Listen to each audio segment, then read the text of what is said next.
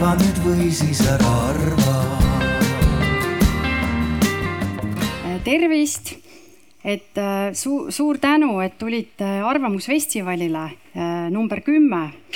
Ja hästi suur rõõm on just sisse juhatada see kahepäevane programm siin äh, hariduse alal natuke küll nurga taga, aga igalt poolt väga hästi ligipääsetav, nii et ma usun, et siia tuleb meie arutelu ajal veel rahvast juurdegi aitäh panelistidele, kaks Tiiat, Renno, Ivo ja Hanno. hiljem tutvustame lähemalt ka neid, et ühinesite aruteluga. Äh, aitäh, publik ja, ja suur tänu kõikidele haridusala äh, äh, meeskonnale, et viimased paar kuud on hästi tore koostöö olnud. kõik, kellel siis kahe päeva jooksul teemad tulevad. ja meie teema on haridusuuendus kõrgharidussektoris, mikrokraadid. Ja see teema äh, tundus nii põnev, et ka väitlusklubi on selle üles leidnud ja, ja soovivad kümme minutit väidelda, nii et olge lahked. ma alustuseks äh, teen väikse sissejuhatuse ka, ehk siis jah, tere ka minu poolt ja head arv arvamusfestivali kõigile. Äh, minu nimi on Markus ja ma olen Eesti Väitlusseltsist ja minu kõrval on Heiki, kes on ka Eesti Väitlusseltsi liige. Äh, ja me juhatame selle arutelu sisse väikse sellise soojendusega, ehk siis me teeme hästi lühikese väitluse, mille teema on, et äh, kas mikrokraadide laiem levik ja kasutuselevõtt on hea või on positiivne. mina siis toon mõned mõtted nii-öelda jaatavalt poolelt ja Heiki siis oponeerib mulle Äh, ja ma utsitan publikut ka kaasa mõtlema, sest et kõige lõpus me teeme lühikese või noh, kiire hääletuse, et kumb pool teie meelest peale jäi. Ja siis äh, arutlejad saavad seda äh, ka võib-olla arvesse võtta, proovida teid ümber veenda või hoopis teiega nõustuda. Ja igaks juhuks mainin ka seda, et mina ja Heiki ei esinda siin enda vaateid, vaid pooled on meile määratud. et kui teile mõni meie mõtetest on teile väga vastukarva, siis võite meiega kindlasti tulla rääkima, aga et need ei ole võib-olla meie isiklikud seisukohad. Äh, aga nüüd äh, ma siis äh, hakkan oma kõnega ka pihta ja siis teeme selle lühikese väitluse ära. austatud kuulajad, mikrokraadid on vajalik viis, kuidas tänapäeva ühiskonnas toime tulla tööalaselt ja haridusalaselt. ma räägin kahest lühikesest argumendist. esiteks tänapäeva tööharjumustest ja teiseks sellest, miks mikrokraadid nende tööharjumustega kõige paremini kattuvad alustame siis tänapäeva tööharjumustest. ma väidan, et inimeste tööalased eelistused on viimaste aastate jooksul muutunud. miks? peamiselt kahel põhjusel. esiteks vajadus. tööturul on väga tihe konkurents, ühiskonnas on toimunud erinevad muutused, olgu nendeks muutusteks äh, koroonakriis, inflatsioon või näiteks automatiseerumine. kõik need on põhjused, miks inimestel on vaja tööalaselt saada palju erinevaid oskusi ja mitte jääda kinni ühte valdkonda teiseks on muutunud inimeste ootused, inimesed tahavad leida õiget kohta ja proovida erinevaid võimalusi kõige selle tulemusena oleme me Eestis olukorras, kus äh, inimene töötab ühe tööandja juures veidi üle kolme aasta, mitte rohkem. see kõik näitab, et inimesed pole enam tööalaselt niivõrd paiksed, kui nad olid varem. miks mikrokraadid kõige paremini vastavad sellisele tekkinud olukorrale? kolm põhjust esiteks, mikrokraadide omandamine on kiire, need on väiksemas mahus ja need võtta, nende omandamine võtab palju vähem aega kui terve ülikooli bakalaureuse või magistrikraadi omandamine. teiseks on mikrokraadid paindlikud, inimesed saavad ühildada mikrokraadi omandamise oma tavalise tööga ning kolmandaks on mikrokraadid vähem akadeemilised inimesed ei pea tegema niivõrd palju akadeemilist tööd, mis paljusid hirmutab, vaid saavad sageli praktilisemaid oskusi, mille kasu nad selgemini näevad. Need on kõik põhjused, miks mikrokraadid aitavad äh, inimestel oma muutunud tööülistustega paremini toime tulla ja nendele paremini vastavaid hariduskraade leida. aitäh.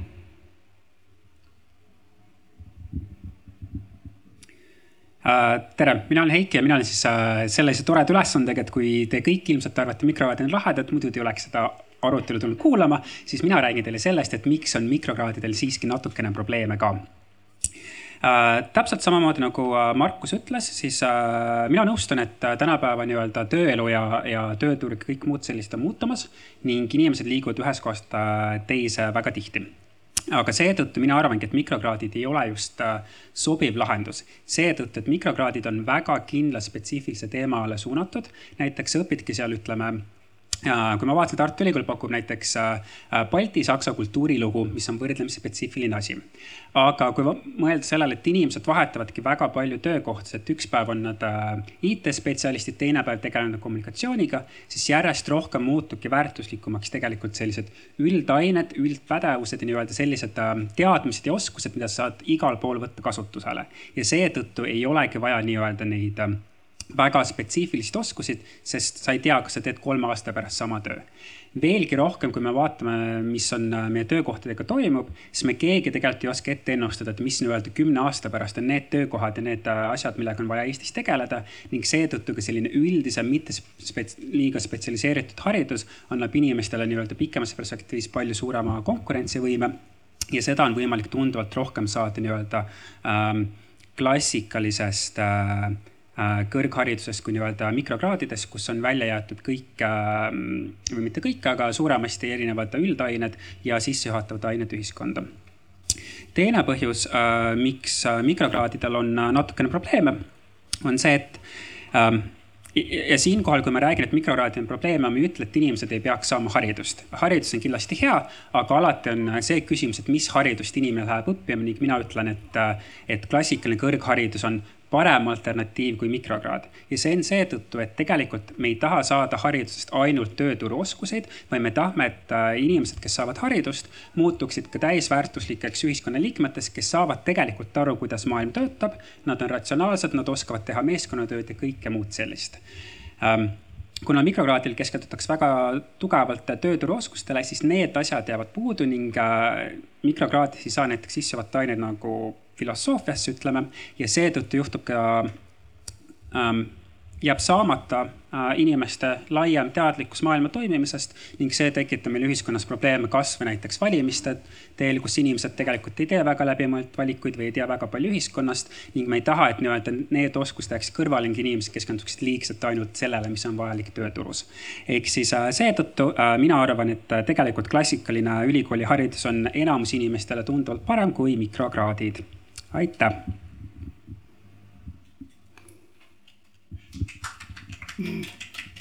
natuke tuleb veel äh, me teeme mõlemad ühe kõne veel, et äh, kiiresti vastata ja siis saate minna oma aruteluga edasi. Äh, laias laastus olen ma Heikiga nõus, ma arvan ka, et ülikooliharidus on tore, mis on ka põhjus, miks ma ise näiteks ülikoolis käin. ometi on tõsi ka see, et mikrokraade omandavad sageli inimesed, kellel on juba mingialane haridus olemas, ent tahavad ennast veel mõnes muus vallas arendada lisaks on tõsi ka see, et ülikoolihariduse omandamine on aeganõudev ja paljudel inimestel ei ole võimalik minna uuesti ülikooli midagi muud õppima, kuna nad juba teevad tööd, neil on juba loodud perekond ja panustada kolm aastat oma elus selleks, et täiskohaga õppida, ei ole neile lihtsalt võimalik. seega ülikooliharidus on tore, aga sageli kasutavad mikrokraadi inimesed, kes ülikooliharidust parasjagu omandama minna ei saa Heiki rääkis ka ainest balti-saksa kultuurilugu, millest minul on vaja natuke rääkida, kuna eesti kirjanduse tudengina olen ma päris kindel, et balti-saksa kultuurilugu arendab mitmeid üldpädevusoskusi ning näitab, kuidas on eesti kultuur jõudnud sinna, kus ta praegu on aga oletades, et balti-saksa kultuurilugu on tõesti spetsiifiline aine, arvan ma, et sellest pole hullu, kui inimesed seda õpivad, sest et see võib olla neile vajalik praeguses töös ja nende akadeemilises karjääris midagi, äh, mida neil on vaja parasjagu õppida, aga mille jaoks neil ei ole aega, et kolm aastat eesti kirjandust ennast õppida. või teiseks, võib-olla on inimestel lihtsalt selle vastu huvi ja tegelikult pole hullu, kui inimesed lihtsalt võtavad mikrokraadi selleks, et saada ennast arendada vallas, mis neile huvi pakub seega arvan endiselt, et mikrokraadid on vajalik lisand meie tänapäevasesse haridussüsteemi, mis annavad inimestele rohkem vabadust oma elu kujundada. aitäh. nii, ja ma lõpetan selle väitluse siis enda poolt äh, veel lühida kõnega esiteks äh, ma muidugi nõustun, et kõigil inimestel ei ole alati äh, aega minna nii-öelda täiesti ülikooli õppima ja see jääb paratamatult nii-öelda mingisuguseks nišigrupiks, kellel kindlasti on mõistlik äh, mikrokraad või mingisugused muud täiendkoolitused. küll mina arvan, et tegelikult keskmine inimene Eestis võiks minna ja kulutada see kolm või viis aastat, et saada kõrgharidust või äh, kasvõi kutseharidust ja muud sellist, sest me leiame, et haridus on nii oluline, et nende elu jaoks tegelikult õige otsus oleks panustada seda aega enamus inimestel, muidugi on alati erandeid ja seetõttu äh, ei, ei ole nagu see, et inimestel ei ole aega õppida, väga hea argument, et miks mitte täisväärtuslikku haridust äh, omandada. ja teine asi, mis mulle tundub selle hariduse juurest, on see, et, et jah, võib-olla kellelgi ongi selline väga spetsiifiline töökoht, kus tal on vaja seda Balti ja Saksa kultuurilugu, mis on kindlasti kõige populaarsem mikrokraadi ala, millest rääkida aga isegi nagu sellistel juhtudel on see, et seal Balti-Saksa kultuuriloos sa saad neid aineid, mis käivad otseselt Balti-Saksa kultuuri ja nende kogemuse ja ajaloo kohta. aga mis jätab puudu, on selline laiem kontekst sellest, mis toimus näiteks Euroopas samal ajal, mis toimus Eestis kultuuriga samal ajal. ja, ja ma ütlen, et see ei ole tegelikult väga hea enda selle eriala ekspert, kui sa ei suuda enda seda kitsast teemat äh, paigutada laiemasse keskkonda ning konteksti ja teha selle põhjal äh, päriselt nii-öelda mõistlikud otsused ning mõistlikku teadmist omandada laiemas pildis.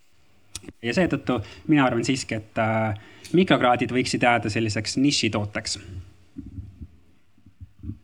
nii, nüüd on meie lühike väitlus läbi saanud, enne kui äh, diskussiooni äh, spetsialistid ja eksperdid sõna saavad, siis ma küsin kiiresti publikult, kumma poolega te rohkem nõusse jäite, ehk siis lihtsalt käe tõstmisega, kes oleksid praegu pigem nõus sellega, et mikrokraadid on positiivne nähtus ühiskonnas, tõstke käsi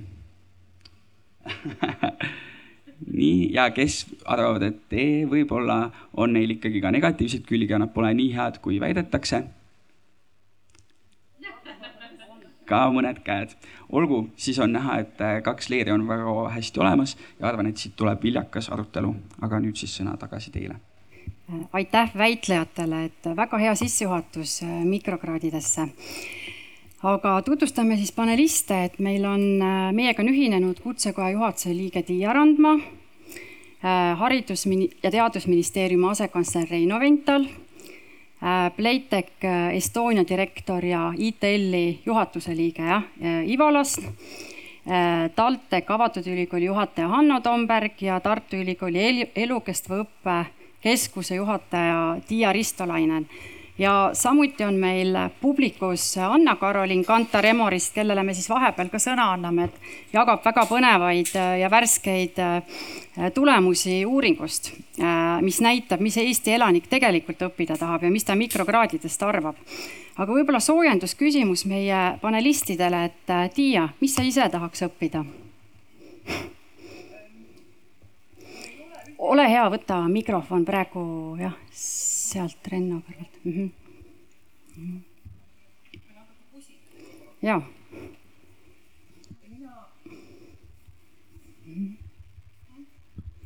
üks, kaks, nüüd on sees. jah ma olen mõelnud selle peale, et mul ei ole ühtegi konkreetset teemat või eriala, aga küll tahaks minna kuulama põnevaid inimesi.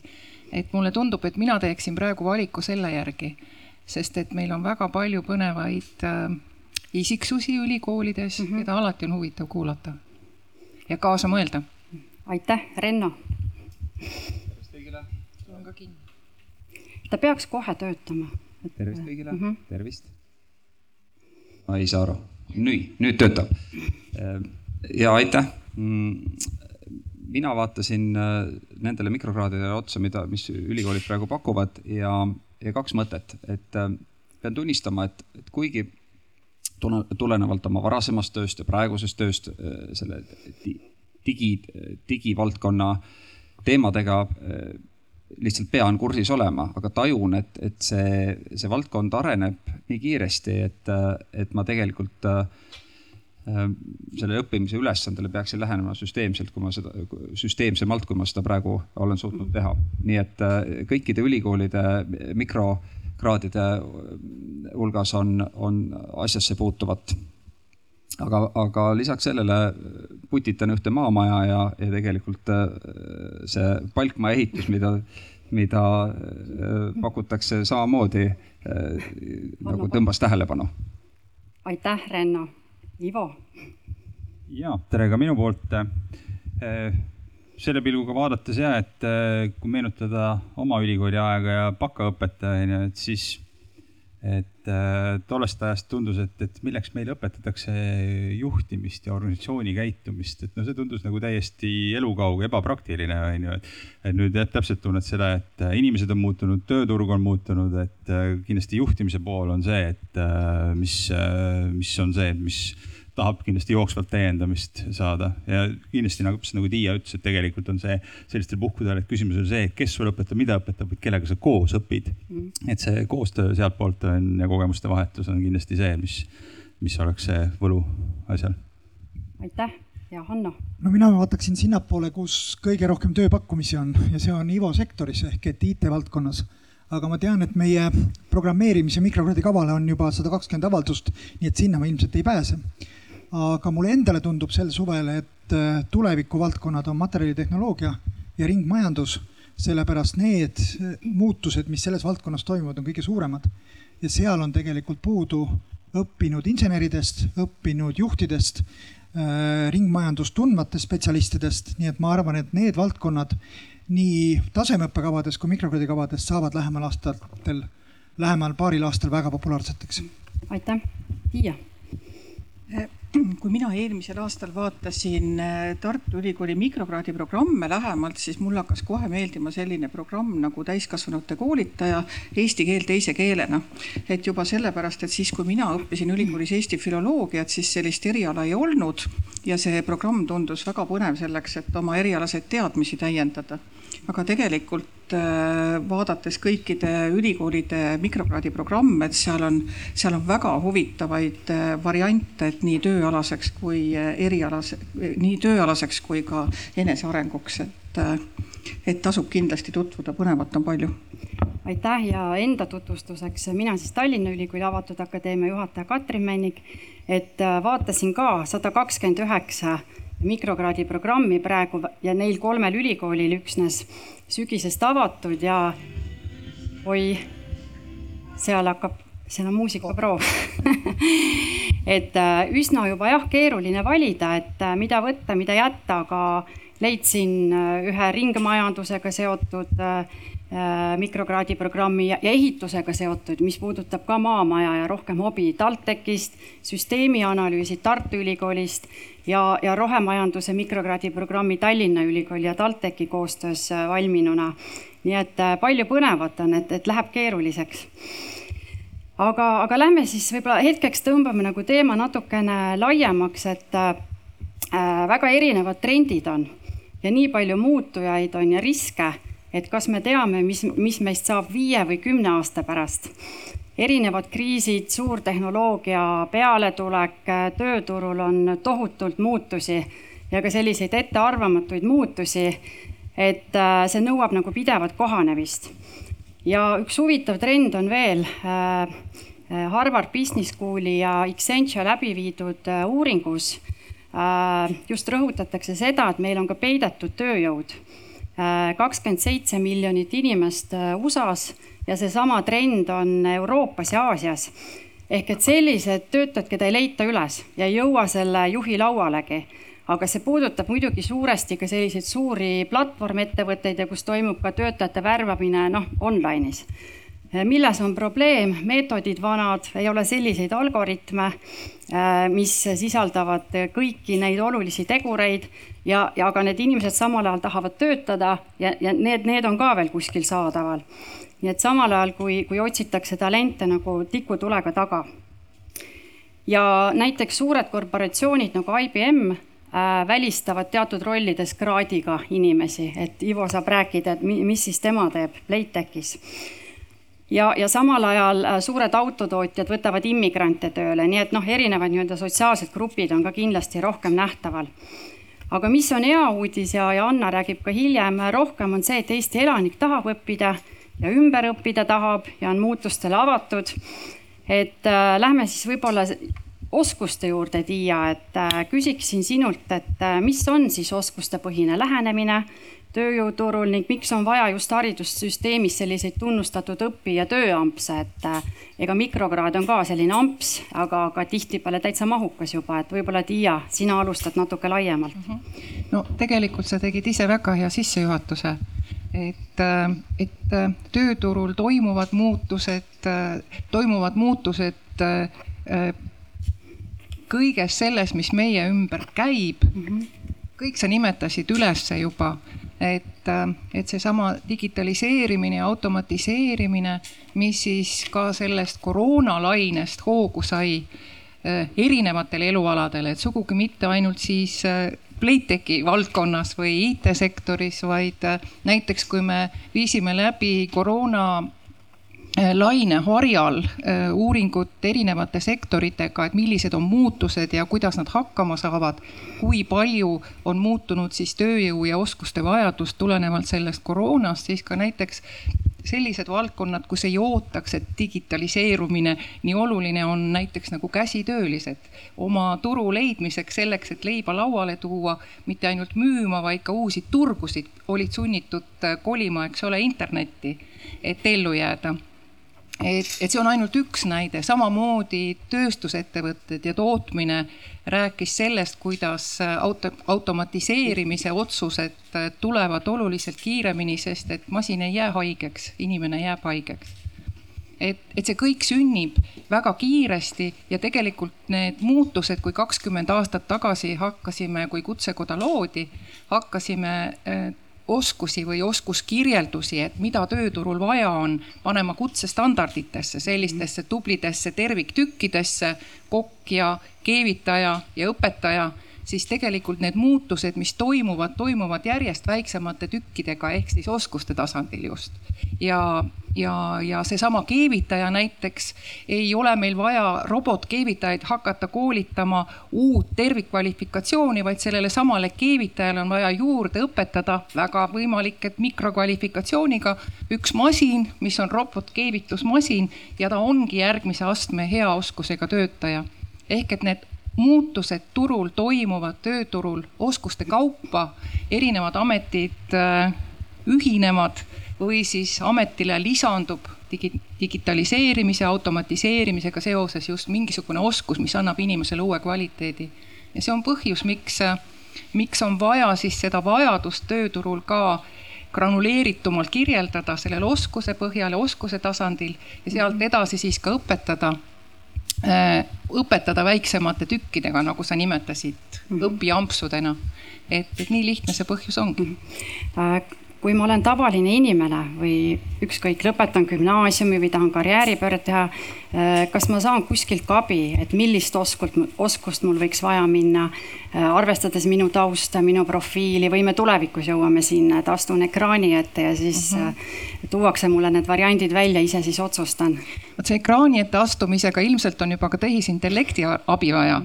Aga tõsi on see, et kogu maailmas, sealhulgas Euroopas ja nüüd ka Eestis oleme meie asunud sellele teele, et neid oskusi tegelikult siis süstematiseerida.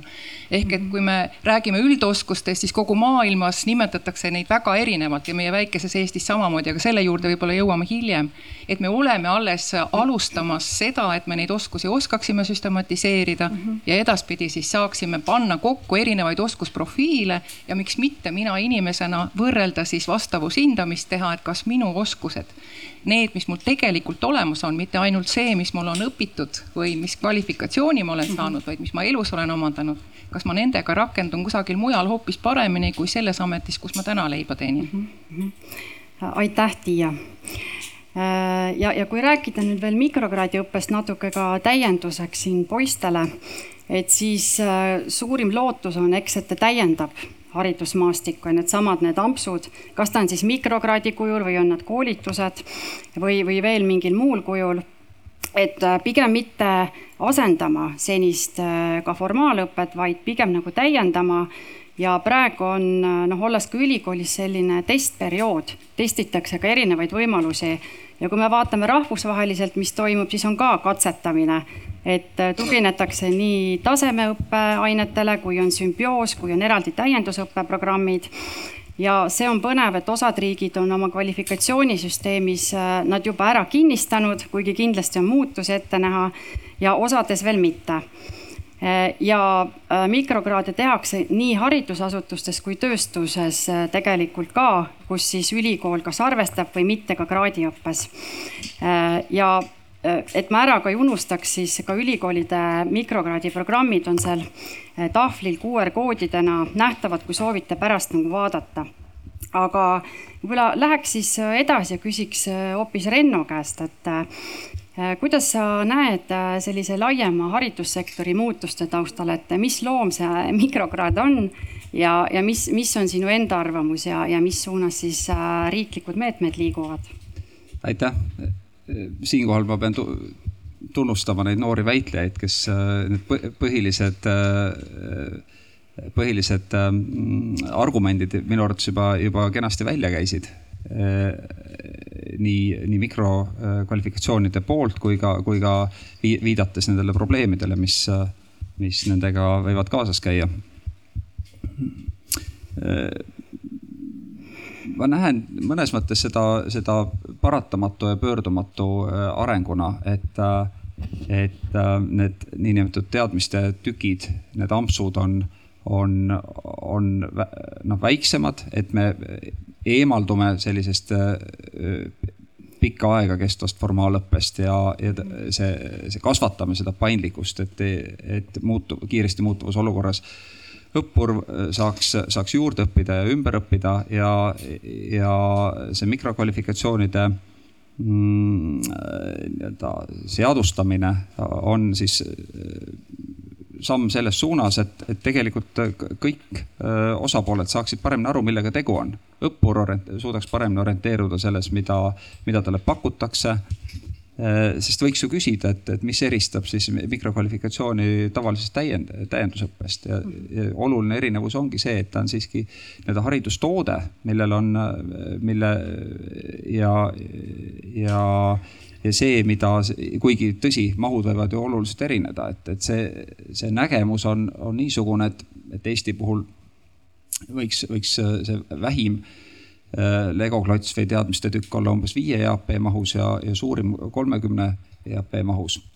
Äh, teisalt on, on mõnel, mõnel riikidel noh, sellest erinev praktika mm. -hmm nii et, nii et ma arvan, et me oleme nagu arengus, seda küsimust ma nõnda ei püstitaks, et, et kas, kas mikrokvalifikatsioonid hakkavad asendama formaalharidust. ma, ma usun, et formaalharidusel on oma koht äh, praegu ja, ja ka kindlasti kümne aasta vaates täiesti olemas. aga just nimelt ta loob uusi võimalusi juurde õppida, ümber õppida ja tegelikult, kui me mõtleme, mõtleme ka sellele, et, et miks äh, Äh, tasemeõpe nii sageli noh, nii-öelda ilma, ilma diplomini jõudmiseta pooleli jääb.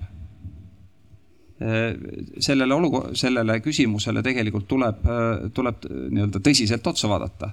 Et ilmselt on, on osa seotud sellega, et see tasemeõpe ei, ei vasta oma, oma sisult ja, mõnikord ka vormilt õppuri võimetele ja, ja ka ootustele. Nii et äh, ma usun, et, et mikrokvalifikatsioonid äh, mitmes, mitmes osas annavad, annavad äh, vastuse ja, ja suur lootus on siiski ka, et see formaal- ja mitteformaalõpe täiendavad üksteist. ehk et üks annab teisele sisendit, üks on võib-olla paindlikum ja teine võib-olla natukene jäigem, aga siiski, et toidavad üksteist. kas lähiajal on ka teatud riiklikud meetmed ette näha? just mikrokraadide suunal? jah, no teadupärast on, on riik ette valmistanud seaduse muud, seaduse ja, ja tegelikult on käimas kooskõlastus, kooskõlastamise nii-öelda protsess ja, ja, ja loodetavasti veel selle aastanumbri sees jõuame siis nii kaugele, et, et Riigikogu saab mm, -hmm. saab vastavat täiskasvanu koolitamisseadust arutada mm. -hmm. Aitäh, et, et siis on ka äh, võib-olla selgem pilt äh, inimese jaoks, et, äh, et millised võimalused seal mikrokraadis on ja kas on ka osa kraadiõppest või, või liigutakse sinnapoole. et ma vahepeal ütlen ka, kui publikul on kellel küsimused, tõstke julgelt kätt ja siis saame ka mikrofoni teile tulla, et kas hetkel on tekkinud? palun, Katrin Saks. vii palun mikrofon mm. -hmm tere, Katrin Saks, Tallinna Ülikooli arendusprojektor Ehm, te nimetasite seda, et seadusmuudatus on plaanis. kas on ka praktiline toetus plaanis? Sel kevadel on välja tulnud terve rida Euroopa Liidu dokumente. Euroopa Nõukogu soovitustes näiteks on väga selgelt kirjas, et üks asi on seadusandluse muudatus, aga teine ka, et ehm, näha ette konkreetsed rahalised meetmed mikrokraadide arendamise toetuseks, aitäh väga hea küsimus. noh, silmas pidades asjaolu, et, et ülikoolidega teadupärast on käimas läbirääkimised halduslepingu teemal, et, et ja noh, ma siin ei näe vahetut, vahetut seost sellele, aga fakt on see, et kõrghariduse, kõrghariduse valdkond ootab täiendavaid investeeringuid. see küsimus viitab sellele, et, et nüüd, kui on uued tooted laual, et kas, kas riik, riik võtab neid ka, neid ka rahastada. no ütleme, turvaline vastus on, et peame siis mõtlema, et kas, kas selle, seda eraldi raha, rahastada, aga ma olen selles osas ettevaatlik, et see oleks tingimata kooskõlas ülikoolide huvidega sellepärast et, et kõikvõimalikud nii-öelda eraldi sildid ja sildikesed selle teise kolmanda asja eest, mida, mida, mida ülikool siis täiendava tu, nii-öelda tulu teenimiseks võiks kasutada, seovad ülikooli käsist jalust. nii et seda niinimetatud sildiga raha, noh, see on kindlasti parem kui üldse mitte, aga, aga eeskätt on vaja investeeringuid kõrgharidusse ja ma arvan, et kui ülikoolid panna valiku ette, et kas sildiga või ilma sildita, mis te vastaksite sellele? et pigem, pigem on ülikoolid täna kiiduväärt pika sammu astunud, siin oli juba öeldud, et kolm ülikooli on, on, on äh, valmis pakkuma äh, mikrokraade saja kahekümne üheksal, ähm, saja, sada, sada kahtekümmet üheksat mikrokraadi et äh, ja, ja eeskätt on see ülikoolidele ka võimalus äh, noh, nii-öelda laiendada oma tulubaasi, sest ei saa öelda, et, et Eesti inimene ei taha õppida ja tegelikult ei ole valmis ka äh, nende, nende oskuste, teadmiste eest maksma. Aitäh Rennole ja, ja pärast saame arutada veel pikemalt, et äh, lähme, lähme siis ka veel edasi, et meil on erinevad eksperdid, et Ivo esindab just tööandja poolt ja, ja IT-sektorit, et Ivo, sa oled öelnud, et talentide leidmisel on suureks abiks ülikoolid ja sellest lähtub ka Playtech, otsides just äh, seal, sealt noori talente. ja teie ettevõttes töötab ka palju praktikante. teisalt ma märkasin, et sa oled öelnud, et IKT vallas on puudu erialaharidusega spetsialistidest ning seda tühimikku meie enda koolid ja ümberõppeprogrammid täita ei suuda, ei lühi- ega pikaajalises perspektiivis et kas sa oled äh, tänaseks leidnud äh, tulevikku kindlustava lahenduse Playtechi jaoks ja kuidas sa leiad äh, tööturult talendid üles, et sul on äkki mõni kuldvõti pakkuda? no kahjuks jah, see elu nii lihtne ei ole, on ju, et jah, vastab tõele, et me oleme pannud hästi suure fookuse ülikoolidega, ülikoolidest noorte talentide leidmine oleme teinud äh, just äh, praktikaprogramme lähtuvalt sellest, et äh, siin täna just lõppes suvine praktikaprogramm, meil kuskil oli pea viiskümmend praktikanti. talvel oli üks programm, et kus siis värbame nendest ka päris suure hulga, et kes saavad nagu asuda päri-, püsivale tööle, et siis äh, nendelt on hästi suur äh, võimalus meie juurde tööle jääda, et. et see on kindlasti see koht, sellepärast et äh, noh, üks tsitaat, mida sa ette ei toonud, on ka see, et. et sellist inimest ei eksisteeri Eestis nagu on töötu arendaja. et sellist, sellist ei eksisteeri, on, on arendajad, kes aeg-ajalt mõtlevad võib-olla, et noh, et vahetaks äkki töökohta, on ju, et. et, et see on lihtsalt see seis, et et pigem on jah see, et eripära, et IT ei ole mitte ainult IT-sektoris, vaid kõik on IT tänasel päeval, kõik teised sektorid vajavad IT-inimesi, et see nõudlus on olnud nii plahvatuslik kasv kõigis sektorites, terve üle majanduse.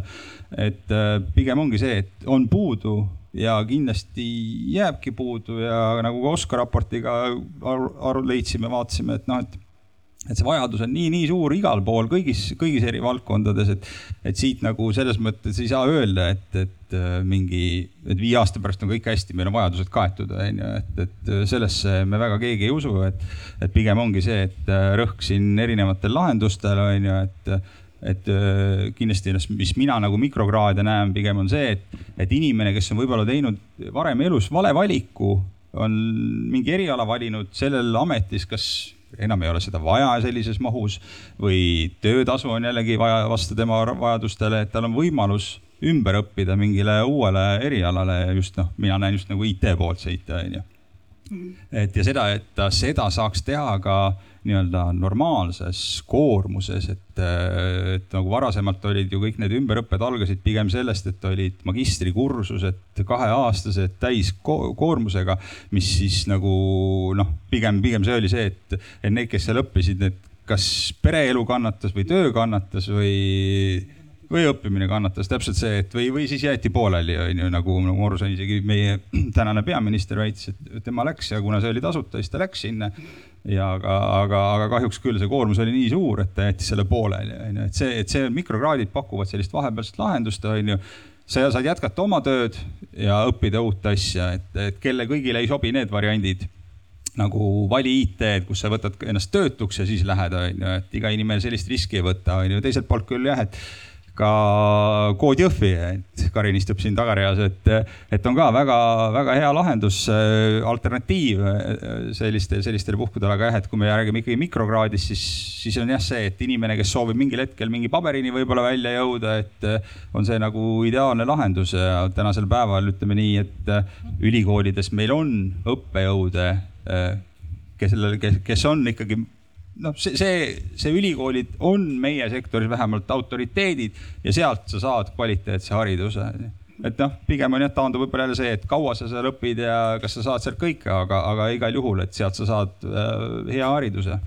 aga kuidas te teete ülikoolidega koostööd, et mikrokraadide puhul on äärmiselt oluline just tööandjate ja koostööpartnerite kaasamine, et mitmes mikrokraadi, mikrokraadi programmis sa praegu kaasa lööd kui arendaja mina isiklikult äh, mitte, aga ütleme nii, et kui me räägime koostöö mm -hmm. ülikoolide ettevõtte vahel ja just räägime IT-sektorist, siis ITL-i ettevõtetes sada pluss inimest mm -hmm. on erinevates programmi nõukogudest, me räägime mm -hmm. nii ülikoolides, ka kutsekoolides, igal pool mm. -hmm. et, et selles mõttes erasektor on kaasatud ja ülikoolid äh, kuulavad, on ju, ja selles mõttes ja sealt see tagasiside on ka see olnud, et noh, et, et äh, toimib, asi toimib, et äh, pigem on just jah, et pigem viimane kurtmine oligi see, et see baka näitel just see, et see kolm aastat on hirmus lühike periood, et sinna ei mahu kõik ära, mis oleks vaja sinna panna, et selles mõttes koostöö selles suunas toimub mm. -hmm. aitäh ja, ja läheme ka ülikoolide juurde, et äh, meie kui üks mees siin täna kõik esindame mikrokraadi programme.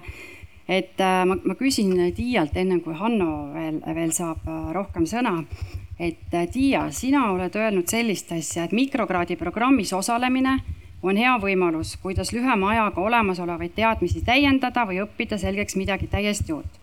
kuna mikrokraadi eesmärk on muuhulgas anda inimestele võimalusi täiendada oma teadmisi ja oskusi, et olla tööturg konkurentsivõimeline, siis teevad ülikoolid koostööd potentsiaalsete tööandjatega ja Tartu Ülikoolis on kolmkümmend kaheksa mikrokraadi programmi nüüd sügisest, aga tegelikult teil seda praktikat on ka varem. et võib-olla sa räägid äh, need peamised asjad, mis äh, võiks olla see edukas mikrokraadi programm ja kuidas teie tööandjaid kaasate? ja et äh, ülikool pakkus möödunud õppeaastal kakskümmend mikrokraadi programmi ja praegu meil on siis sügissemestril äh, avamisel kolmkümmend üheksa, et päris palju mm. -hmm. ja äh, tegelikult see mikrokraadi programmide ettevalmistamine on pikk töö, sest äh, mikrokraadi programmil peab mõtlema kõigepealt läbi, kellele see on suunatud, missuguseid oskusi ja teadmisi see annab, mis on selle programmi kui terviku õpiväljundid ja lisaks loomulikult siis tööandjate, partnerite ja ka sihtrühma kaasamine et kohe esimesena meenub mul uus mikrokraadi programm keeletoimetamine, mida me hakkame pakkuma siis sellest äh, õppeaastast ja, ja kus on siis kogu mikrokraadi programm saatud, saadetud ka arvamuse avaldamiseks Eesti Keeletoimetajate Liidule näiteks, nende ettepanekutega arvestatud. et neid häid koostöönäiteid on tegelikult äh, päris palju ja me ei tohi ära unustada ka tõepoolest neid sihtrühmi ja sihtrühma vaadet ja seda, et et mida inimesed mikrokraadi programmide raames siis äh, õppida tahaksid et tegelikult on olnud ju pikka aega, ülikoolid on pakkunud ka üksikuid õppeaineid tasemeõppekavadest, et õppijatel on olnud võimalus täiendusõppijana nendel õppida. aga mikrokraadi programmide erinevus ongi see, et, et nad on süstemaatiliselt kokku pandud, ülikoolid on teinud juba selle suure toe ära ja valinud välja siis need õppeained, mis kõige paremini neid äh, õpiväljundeid äh, täidaksid. ja hästi hea meel on ka tegelikult selles, et on tekkinud esimesed ülikoolide vahelised mikrokraadi programmid, et siin oli Tallinna Ülikool ja TalTech ja siis on lisaks ka Tartu Ülikool, Tallinna Ülikool ja Eesti Kunstiakadeemia, kes pakuvad siis sellest õppeaastast täiesti uut mikrokraadi programmi, millest ka väitlejad rääkisid, baltisaksa kultuuripärand.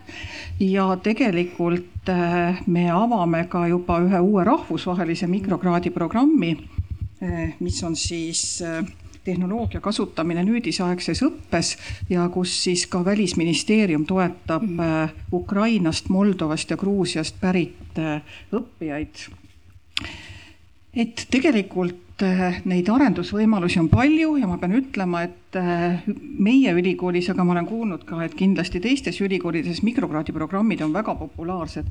et õppejõud tegelikult ja programmijuhid loovad neid suure entusiasmiga ja õpetavad ka suure entusiasmiga. ja praegu meil lõpeb just tagasiside kogumine ja lähiajal saame valmis ka tagasiside kokkuvõtted, mille alusel tegelikult tuleb vaadata siis olemasolevad mikrokraadi programmid uuesti üle ja vajadusel sinna siis ka muudatusi sisse viia vastavalt saadud tagasisidele. et üks, mida õppijad äh, on välja toonud, on kindlasti see, et kuna paljudel on möödunud juba pikk aeg äh, ülikooli õpingutest või nad ei ole üldse ülikoolis varem õppinud, et siis on väga oluline, et iga mikrokraadi programmi eel toimuks selline sissejuhatav äh, loeng, õppimine kõrgkoolis, et viia ühesõnaga uuesti õppijad selle temaatikaga kurssi ja rääkida neile, mida tähendab siis äh, õppimine. aga äh, väga tore oli lugeda ka tagasisidest neid arvamusi, et mikrokraadi programmid on lahendanud ühe sellise noh, võib öelda väikese puudujäägi koolitusturul, et tõepoolest on võimalik siis lühema ajaga eh, omandada erialased teadmised ja oskused ja see mikrokraadi eh, läbimine annab veel ka boonuse, selle boonuse, et kui sa tulevikus tahad tasemeõppes õpinguid jätkata, siis mingi väike osa, ühesõnaga see mikroosa sellest kraadist on sul juba sooritatud. ja võib-olla lõpetuseks veel nii palju, et me tegelikult noh, ikkagi me oleme ju algusjärgus, me pakume teist aastat neid mikrokraadi programme, me saame alles praegu teha sellised suuremad kokkuvõtted. et üks on kindlasti see, et me peame õppijatele andma kindla sõnumi, et mida ta saab sellega, kui ta selle mikrokraadi programmi läbib. ja kindlasti tuleb rõhutada ka seda, et see mikrokraadi programmi läbimine ei anna kraadi. et kuigi õppija mõnikord võib eeldada sellest nimetusest, et ta annab ainult sellise mikroosa sellest kraadist, aga ta annab sulle võimaluse, kui sa soovid seda õpingut jätkata. ja võib-olla veel, mis on oluline, on see, et et me võiksime mikrokraadi programme pakkudes ka õppijatele anda infot selle kohta, et et äh, missuguseks võib kujuneda ta õpitee, et võib-olla meil kümne aasta pärast on juba niisugused õppekavad, mis koosnevadki mikrokraadi programmidest, et äh, võtad ühe, võtad teise, võtad kolmanda, saad oma tasemehariduse kokku sooritad eksami või kaitsed töö ja saad ka kraadi.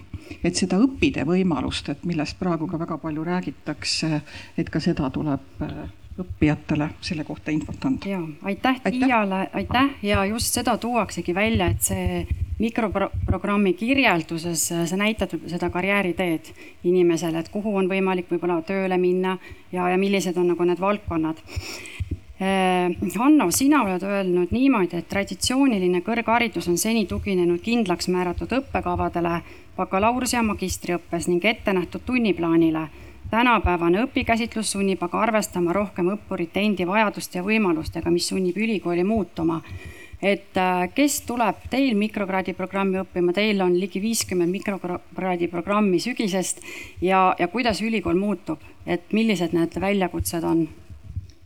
no eks me oleme kõik nagu vasikad, kes on kevadel lastud välja laudast, et me pakume meeletus koguses neid mikrokraadi kavasid ja kui ma tõstsin enne käe, et ma usun, et äh, need mikrokraadikavad vajavad kõvasti veel parandamist, siis sellepärast, et meil tegelikult tuleks ka äh, ülikoolides teha peale seda õppeaastat üks tugev analüüs. et meil on kindlasti kavasid, kus ei asugi õppima keegi. ja ma näen, et eelkõige on, oleme hädas ingliskeelsete mikrokraadikavadega, kuhu me ootame rahvusvaheliselt äh, kas Eestisse õppima või tööle tulnud inimesi. ja me näeme, et nende vastu on huvi väike samal ajal programmeerimine ajab üle otsa ääre ja kõik tahavad seda õppima tulla. et mulle tundub, et mikrokraadikavasid vaadatakse ka samamoodi, et millised on need praktilised oskused, mida ma siit kätte saan ja seetõttu tulen sinna õppima. meil tuleks ka endal vaadata, et lisaks sellele teadmistele, mida ülikoolid jagavad oma tasemeõppeainetes, kaasata sinna ka neid mikrokraadikavasid, kus on väga tugev ka probleem või projektõppe osakaal ma tean, et äh, programmeerimises see on sees, ei ole nii, et ma käin loengud ära ja siis loodan, et noh, küll ma selle mikrokraadi kava kätte saan. iga nädal tuleb ka tööd teha, koduseid töid, projekte, tuleb kirjutada koodi ehk tegelikult see praktiline osa on sinna kaasatud ja ma usun, et ka tulevikus just need mikrokraadi kavad, kus see praktiline osa on sees, on tugevamad ja saavad tugevamaks. aga ma tulen tagasi korra selle juurde, miks me neid mikrokraadi kavasid pakume. Nad ei ole asendus tasemeõppele, tasemeõppekraadidele kindlasti mitte, aga ta on võimalus täie, täiskasvanud õppijale, kellel on omandatud näiteks bakalaureusekraad aastaid tagasi või kes on lõpetanud magistrikava, aga näeb, et tööle ta sellega ei saa, tahaks mingeid oskusi juurde õppida. et siis need õpiampsud võimaldavad tal saada lisaks oma senisele haridusele kvalifikatsiooni kas samal või lähedasel erialal, mis annab talle tegelikult tööjõuturul tugevama konkurentsivõime. ja pean tunnistama, et kui ma ka ise inimesi värban, siis ma vaatan järjest rohkem ka sellele, millised on need täiendusõppekursused, mida ta viimati või viimastel aastatel läbinud on. sest Ivo teab väga hästi, viie aastaga IT-s vananevad need oskused, et äh, suurkorporatsioonid räägivad täna väga selgelt sellest, et viie aasta jooksul tuleb viiskümmend protsenti tööjõust ümber koolitada ja Eesti uuringud näitavad täpselt sama. hiljuti kuulsin, et meditsiinis on vaja lausa kahe aasta tagant ümber õppida, et kus nad siis seda teha saavad. meditsiinis kindlasti Tartu Ülikoolis, ei kusagil mujal, läbi nende mikrokraadi kavade, mis oleks võimalik inimesel saada ka kinnitus, et ta on läbinud selles mahus aineid ja see ei ole tavaline täiendusõppeprogramm, kus ma saan lihtsalt tunnistuse, jah, ma läbisin selle, ilma võib-olla teadmisi kontrollimata mingil puhul. aga siin tuleb selle mikrokraadi kava läbimiseks läbida need ained, teha eksam või arvestus ja tõepoolest näidata, et see õpisooritus on olemas ja sellega on ka õpiväljundid olemas. nii nagu Ivo ütles, ta usaldab ülikoole, et kui ülikoolid mõttes on programm läbitud, siis on tegelikult ka neid teadmisi kontrollitud, lihtsalt ei ole paber välja antud. et see on see tulevik, kuhu me läheme, aga veel kord, ta ei hakka asendama mm -hmm. bakalaureuse magistrikavasid. nii, aitäh Annole ja meil on publikust ka üks küsimus, et äh, palun mikrofon Annale mm. -hmm ja et ma siis äh, intrigeerin natuke, kuna meil on jah, nii palju sellist ühismeelt, et, äh, et korra ülikiire lugu ette, et äh, üks aine, milles mina oma elus kõige rohkem õppisin, oli siis Taanis minu politoloogia magistriõppekavas suurandmete töötlemise kursus, mis oli mõeldud siis heade matemaatikaoskustega inimestele, mina ei olnud see inimene. ja sain selle aine D, töötan Kanter Emoris, eks ole, nii et ärge teist lugege.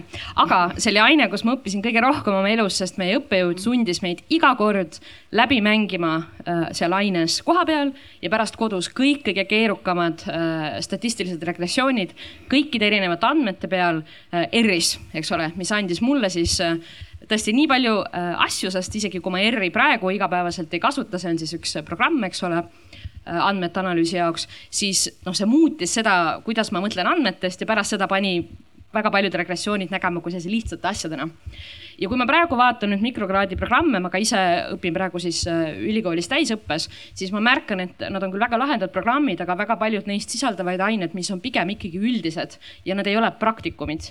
ja mulle tundub, et kui ülikoole vaadata, et siis see, see kogemus, see, et ma õpin sealt palju, iseloomustab minu jaoks sageli ikkagi praktikume, kus ma olen sunnitud läbi tegema ja töötama asju hästi tugevalt ja mulle tundub, et teha see unistuste oskuste revolutsiooni Eestis ära, meil on vaja praktikume söögi alla, söögi peale ja vähem, eks ole, neid üldisi loenguid, mida ma armastan, mida on kerge teha, aga kust ma võib-olla siiski õpin natuke aeglasemalt. ja just ma väga tahaks teada, et kus need praktikumid on ja kuidas me saaksime neid teha rohkem ja miks neid praegu nii palju ei ole, kui, kui mina tahaks. palun panelist. ma vastan Annale hästi kiiresti. programmeerimisest, millest ma just rääkisin, programmeerimise abc, mis meil on ehk programmeerimine üks, on need praktikumid iganädalased. sul on õigus, me ei ole neid suutnud veel päris hästi välja tuua mm, -hmm. sest tegelikult ka müügitöö peab sellega kaasa tulema. kui meil on valik sada kakskümmend kaheksa, no keegi ei oska sealt valida nagu endale sobivat. ja ma näen ka endal, et näiteks Mereakadeemias meil on kaks identset kava, mis üks on põhi, baasõpe ja teine on põhiõpe. vaadates peale, mis vahe neil on, eks ole, et me peame suutma neid äh, praktikume nagu rohkem välja tuua ja ma julgen öelda, et meil tuleb ka endal rehitseda läbi need mikrokraadi kavad ja võib-olla järgmine aasta see pakkumine on oluliselt väiksem, mis ei tähenda, et me väiksema kvaliteediga neid pakkuma, vastupidi, me katsume seda praktilist suunitlust tuua. ja ühe mõtte viskan veel üles, et me ei ole jõudnud ülikoolides veel ju selle peale tugevasti mõelda, aga et ka mikrokraadile lisaks teha mikrokvalifikatsioone, kus ülikoolid ja kutseharidussüsteem panevad kokku kavad, kus see praktiline pool on kutseharidussüsteemil oma praktikabaasi ja praktikaettevõtete kaudu olemas. ma olen kuulnud, et ka ettevõtted ja ITL väga tugevasti rõhuvad sellele, et praktikaid sooritatakse läbi koostöös tööandjatega ja kutseharidussüsteemis see on sees, et ka see jõuaks kõrgharidussüsteemi järjest rohkem mm. -hmm. Nii, ma tohin, minu arvates on kaks, kaks asja, et üks on, üks on natuke seotud meie mõtteviisiga, see vist tuleneb ajaloost, et äh, ja, ja, ja võib-olla mõjutatud Saksa, Saksa sellisest hariduskäsitlusest, et kõigepealt loeme teooria läbi, võib-olla loeme kaks korda läbi ja siis käärime käisid üles ja hakkame äh, praktilisi töid tegema. ja, ja see lähenemine äh, õpetamisele on, on ilmselt äh, osaliselt veel mõjutatud või kantud sellest. sageli me ei taha võib-olla seda tunnistada, aga minu kokkupuude praktilise õppetööga, selle pinnalt ma julgen seda kinnitada ja teine on muidugi seotud äh, ressursiga, et, äh, et projektõpe on kallis ja need ei ole tühjad sõnad, see ongi palju individuaalsem, nõuab äh, õppejõu vaates nagu tunduvalt ajamahukam. ja sama õpiväljundite saavutamine, noh, ütleme siis puhtalt teooria ja harjutuse või siis ka praktikumiga, et seal, seal, sellel maksumusel on võib-olla nagu suurusjärgu võrra võib noh, nii-öelda hinnanumber erinev olla ja, ja eks ta on ikkagi seotud sellega, et, et, et ülikoolid kindlasti pingutavad, et teevad oma parima, aga, aga, aga selleks, et, et seda praktilist osa kasvatada, no vähemalt osadel erialadel eeldab see hästi sisustatud laboratooriume äh,, tarkvara, kaasaegset tarkvara ja, ja noh, see ei ole lihtsalt, et, et kellegi tahtmatuse või töökorralduse noh, nii-öelda küsimuste taga, et, et see on ressursiga seotud asi. aitäh, et. kas ma, ma, ma siis teine mõttest, mõtet edasi ja, ja see on äh, sinuga, Hanno, et, et tõepoolest see, et see koostöö mitte ainult ülikoolide ja ettevõtete vahel, nagu siin oli juttu programmeerimisest, aga ka kutseõppeasutused, kus on meil tegelikult väga head materiaaltehnilised töökojad, välja arendatud õppebaasid.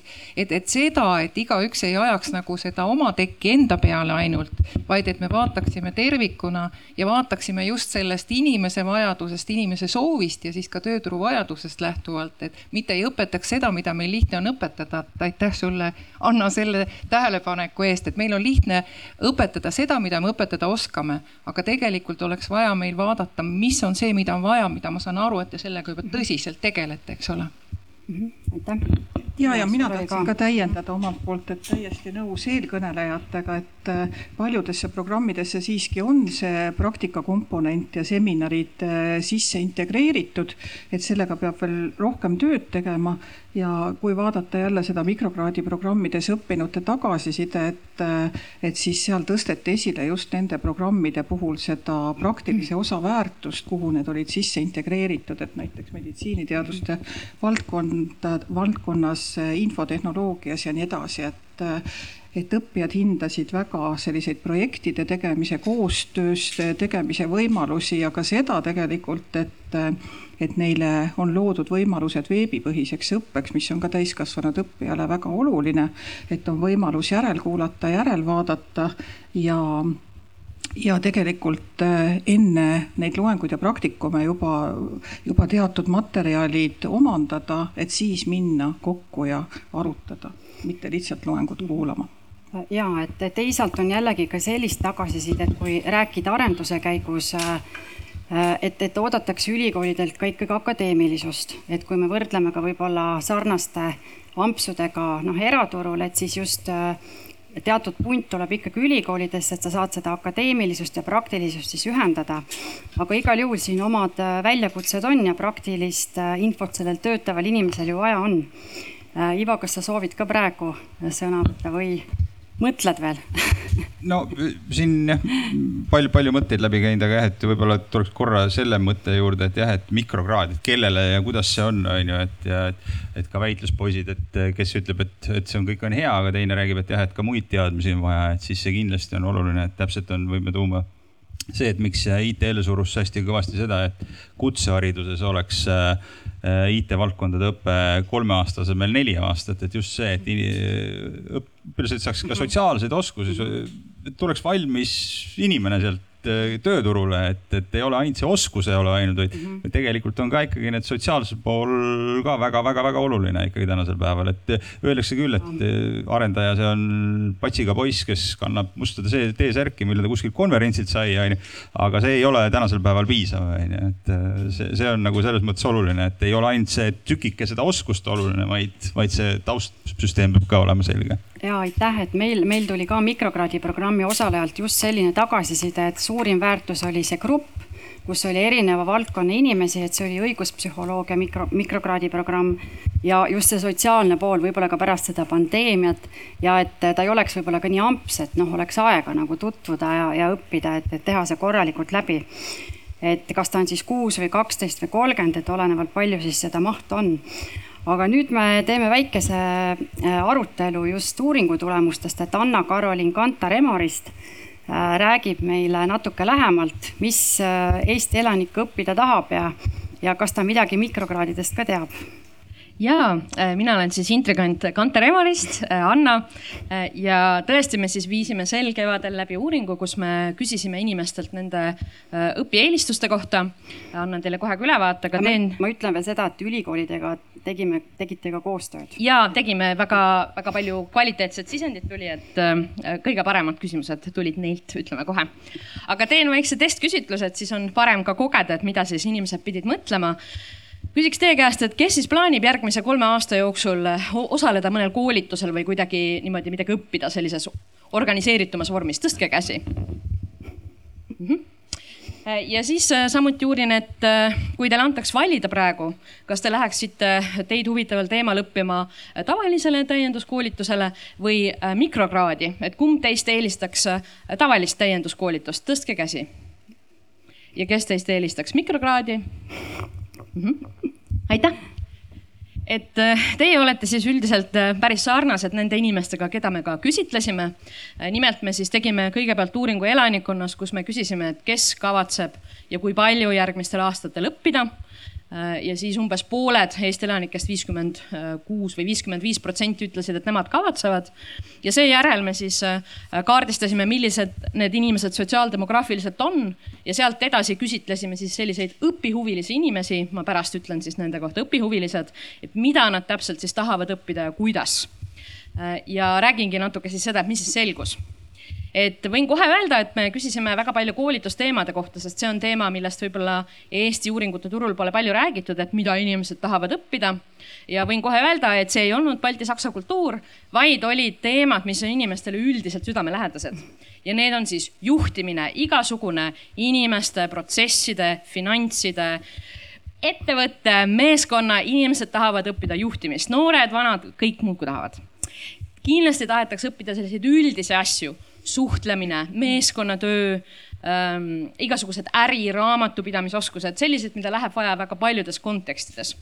Samuti oli väga palju sotsiaal- ja käitumisteadusi, veidi rohkem äh, siis võib-olla naiste hulgas ja väga palju IT-d ja kommunikatsiooni, IT siis eriti meeste hulgas, mis ei tähenda, et nii peab jääma, nii et pidage silmas. Et ehk siis me uurisime seda, et mida inimesed tahavad õppida ja saime jah vastuse, et üldiselt selliseid pigem üldisemalt, laiemalt rakendatavaid oskusi see mind väga huvitab ka, et kas siis kõige rohkem mikrokraade ongi nendes valdades või on meil veel arenguruumi, kuna huvilisi on ju nii palju. teiseks me uurisime siis üldse inimese vaateid mikrokraadide kohta, et me tahtsime teada, et, et mida nad siis arvavad ja nüüd ma teen teile kohe väikse viktoriini, et võime siis kohe mõelda, et kui suur osa nendest õpihuvilistest teadis üldse, mis üks mikrokvalifikatsioon on. ma annan teile kolm varianti ja siis te saate tõsta oma käe, ma enne ütlen nad ära.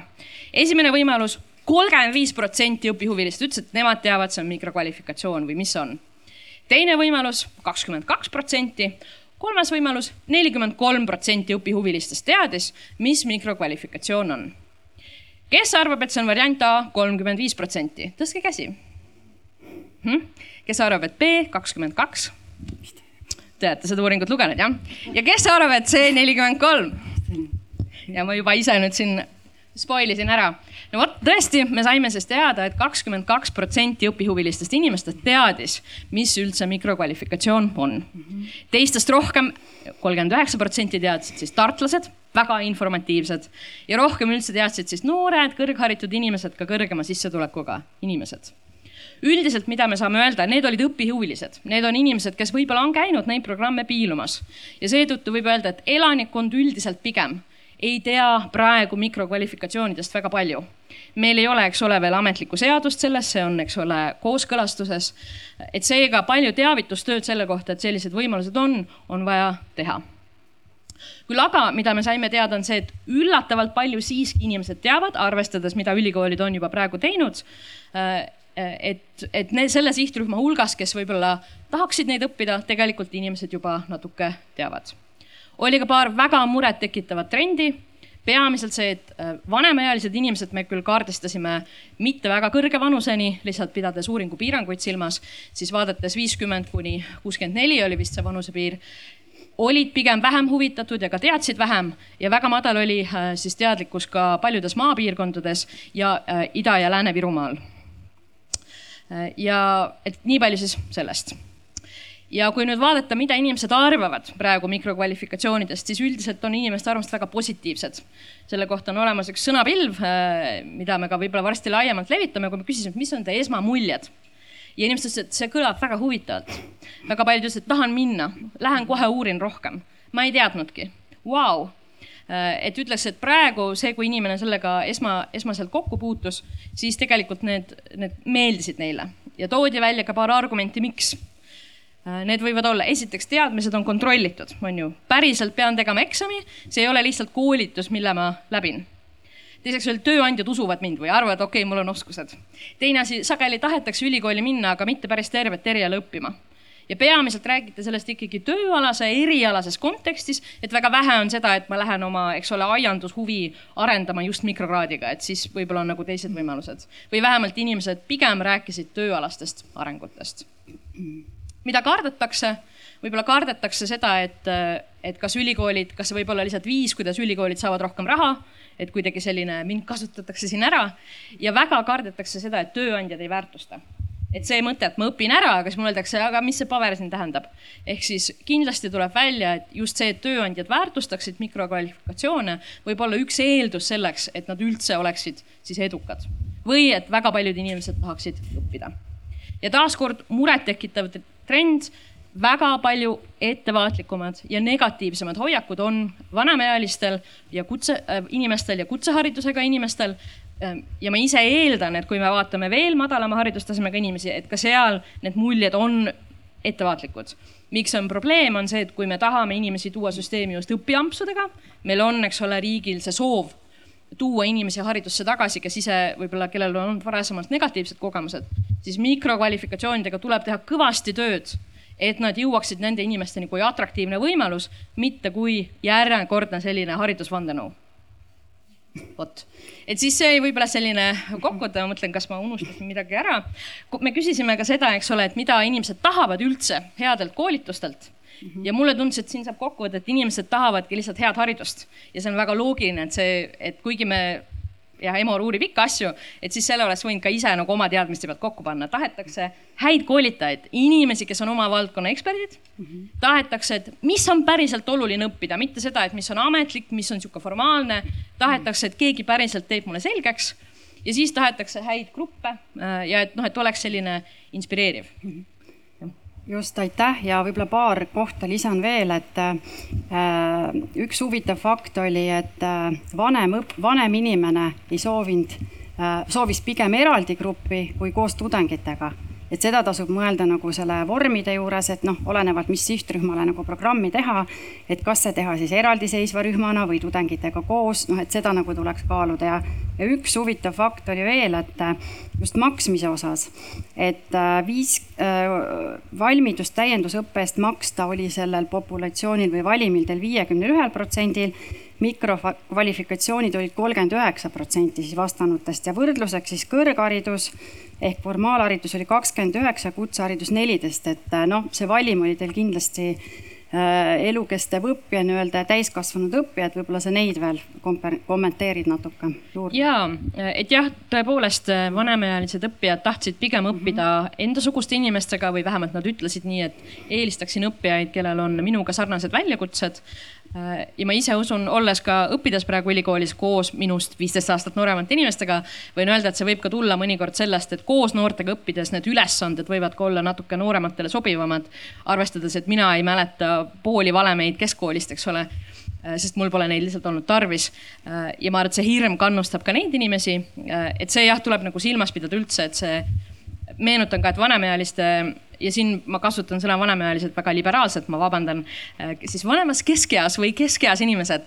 et see on kohutavalt suur tööturg, me oleme varsti kõik vanemaealised ja meil on noori nii vähe, on ju et seega me peame mikro, mikrokraadide turul nende inimestega arvestama ja neid siis püüdma, et see on jah, oluline, oluline uuringu leid, mis meid üllatas. ja, ja siis äh, maksmise osas mm. -hmm et võib-olla jah, mina usun, et ühesõnaga praegu tuli jah välja see, et inimesed on rohkem valmis maksma mikrokvalifikatsioonide eest. eks sellepärast, et mõistetakse võib-olla, et see on nagu midagi, mis on lisaks või midagi, mis on mulle endale ja seda, et ma ei ole valmis maksma võib-olla formaalharidusest, tuleb ka sellest, kuidas me riigina oleme oma poliitikat nagu teinud, on ju. et me oleme võib-olla harjunud mõtlema, et haridus peaks olema tasuta ja kättesaadav.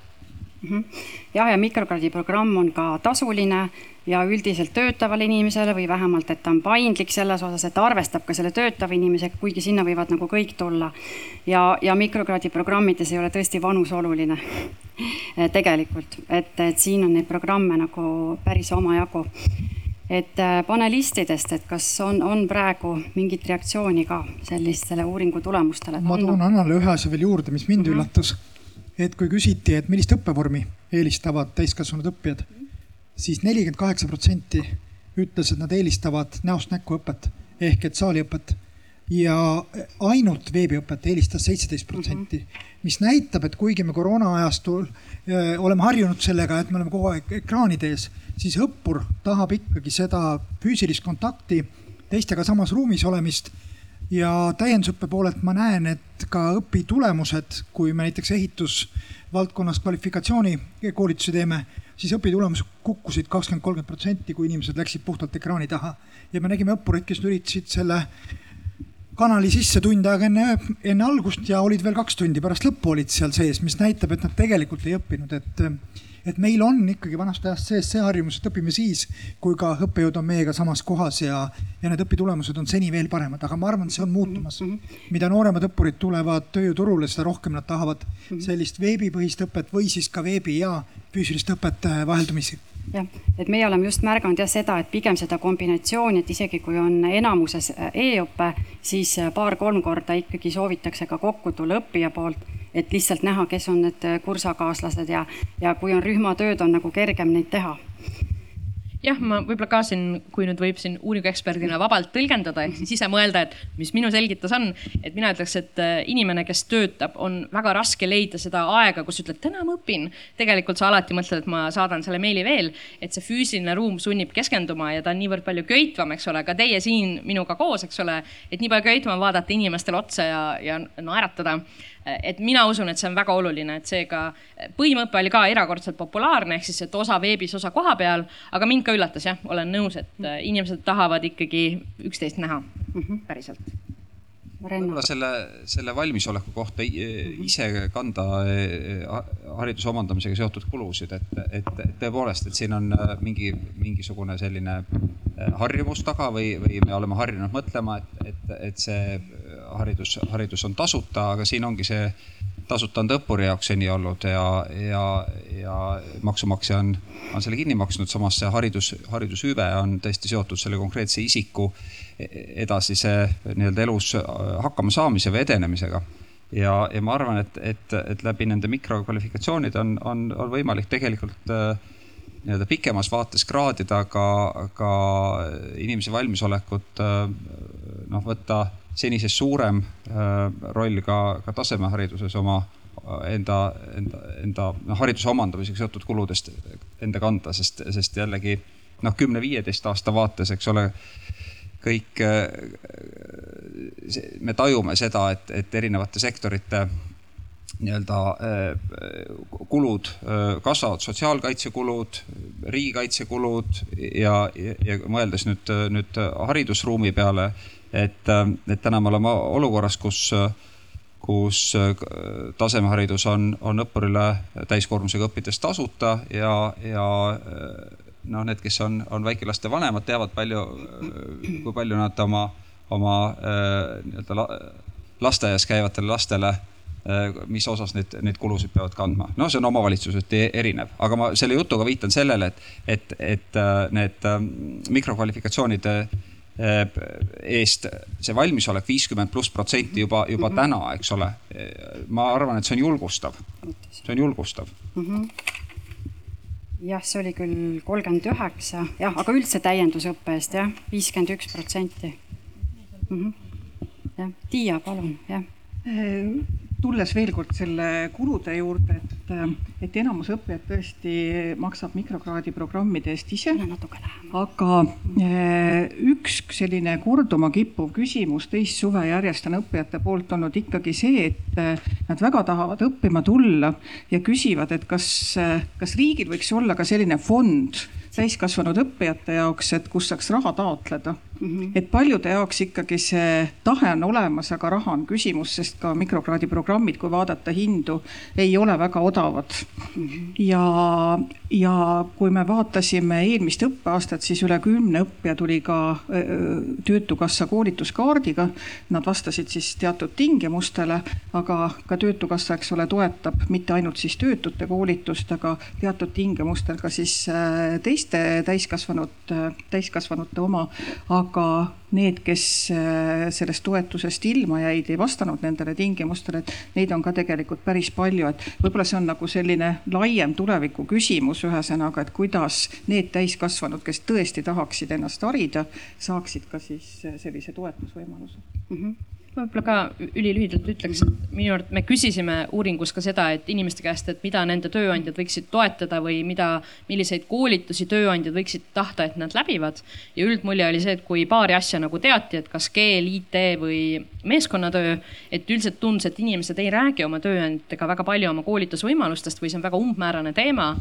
ja võib-olla see võib ka olla küsimus, et kas tööandja ise soodustab, et inimene ütleks, et ma tahan seda koolitust. et see võib olla asi, mida tööandja peaks mõtlema, sest see on kindlasti risk, kui inimene tunneb, et, et ta, ta ei saa ennast selles töökohas koolitada. ja teiseks ka inimesed ise võiksid proovida vähemalt mõelda, et kas osa kuludest katab tööandja. et see on selline raske teema, millest võib-olla tavatöökohas rääkida. kuigi noh, ma tean, et loomulikult on ettevõtteid, kes on väga eesrindlikud, aga et tavaelanikkonnas see on ikkagi veel selline umbmäärane, natuke hirmu tekitav teema. et minu tööandja ei pruugi üldse tahta, et ma õpin ja nüüd rääkida veel sellest, et ta maksaks kinni osa, et see, see ei ole veel nagu väga nagu selline, ei tule praegu selgelt välja. nii, aitäh ja Tiia soovis jah, pane, pane. mina püüdsin kinni sellest sinu uuringu tulemustest selle, et inimesed ise tahavad üldoskusi arendada. ja, ja tegelikult teine ots on see, et siis madalama haridustasemega inimesed on need, kes väga ei huvitu õppimisest ehk et äh, ma tahaksin välja tuua selle, et siin meil on nagu ühiskonnas nagu ühine huvi, et kui me äh, viisime läbi ka üldoskuste uuringu ja tegelikult nüüd pakkusime välja nende üldoskuste siis äh, süstematiseerimise alused. Ehk et üldoskused, mis aitavad mul iseendaga hakkama saada, üldoskused, mis aitavad mul maailmast aru saada ja üldoskused, mis aitavad mul lävida siis äh, tegelikult vaadates kõiki uuringuid, mitte ainult IT-valdkonna, vaid kõiki valdkondade uuringuid, mida me oleme teinud, siis Eesti ettevõtjad on välja toonud sellised asjad, mis inimestel kõige rohkem puuduvad. Need on enesejuht, enesega hakkama saamistes oskustest, siis enesejuhtimisoskustest, äh, muutustega kohanemine äh, tegevuste algatamine, proaktiivsus, eesmärgi saavutamine selles maailmast arusaamise oskuses, mis meil on igale ühele vaja, ükskõik mis positsioonil me ühiskonnas oleme, on õppimisoskus esimene, mida ettevõtjad ütlevad, analüüsioskus mm, -hmm. Loov ja uuenduslik tegutsemine ja läbimisoskustest siis meeskonnatöö ja koostööoskus, millest täna on juba juttu olnud, millest ka poisid rääkisid suhtlemisoskus ja keeleoskus, mis annab meile võimaluse, eks ole mm, -hmm. üksteisega lävida. ehk et tegelikult ma näen, et ükskõik, kas siis kõrgkoolis või miks mitte kutseõppeasutuses, Triin on siin, me senisest enam võiksime ka sellele tähelepanu pöörata, et meil on lihtne rääkida konkreetsetest erialastest oskustest nagu programmeerimine, eks mm aga ka poisid-tüdrukud kukuvad õpp, õppe, õppest välja või katkestavad õppe seetõttu, et nad ei ole osanud võib-olla õigesti eriala valida või ei oska õppida. Ehk et, et me võib-olla ühiskonnas pöörame sellele poolele veel liiga vähe tähelepanu ja kuna nagu ütlesid sa seda, et õigesti, et peale tulevat põlvkonda neid noori jääb järjest vähemaks. meid keskealisi, nooremas või vanemas keskeas olevaid inimesi on üksjagu, et, et me peame iseennast veel putitama kõikide nende oskuste osas, sest et see, kui varem me rääkisime sellisest T-kompetentsi mudelist kui hakkama saamise alusest, kus see T horisontaalne haar on üldoskused mm, -hmm. seoste loomise oskused ja kõik see, millest ma eelnevalt rääkisin. ja siis see püstine on äh, erialased oskused. Ja neid erialaseid oskusi võib olla mitmes, mitmel elualal, siis täna me räägime juba pi kompetentsimudelist, kus selle pi annab siis meile ikkagi digioskused, just nimelt erialased digioskused, mitte IT-spetsialisti oskused, ükskõik mis erialal.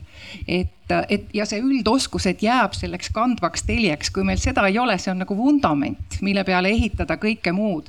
et mulle tundub, et vahest me kipume väga minema ära sinna erialaste oskuste maale ka ka näiteks mikrokvalifikatsioonidega, mis on ülivajalikud, aga võib-olla on vaja neid inimesi järgi aidata selleks, et nad nendeni jõuaksid nende üldoskuste osas. lihtsalt selline mõte tekkis sinu uuringu tulemusi kuulates. aitäh, et. siin ma tahan Tiiaga vaielda korra ka veel.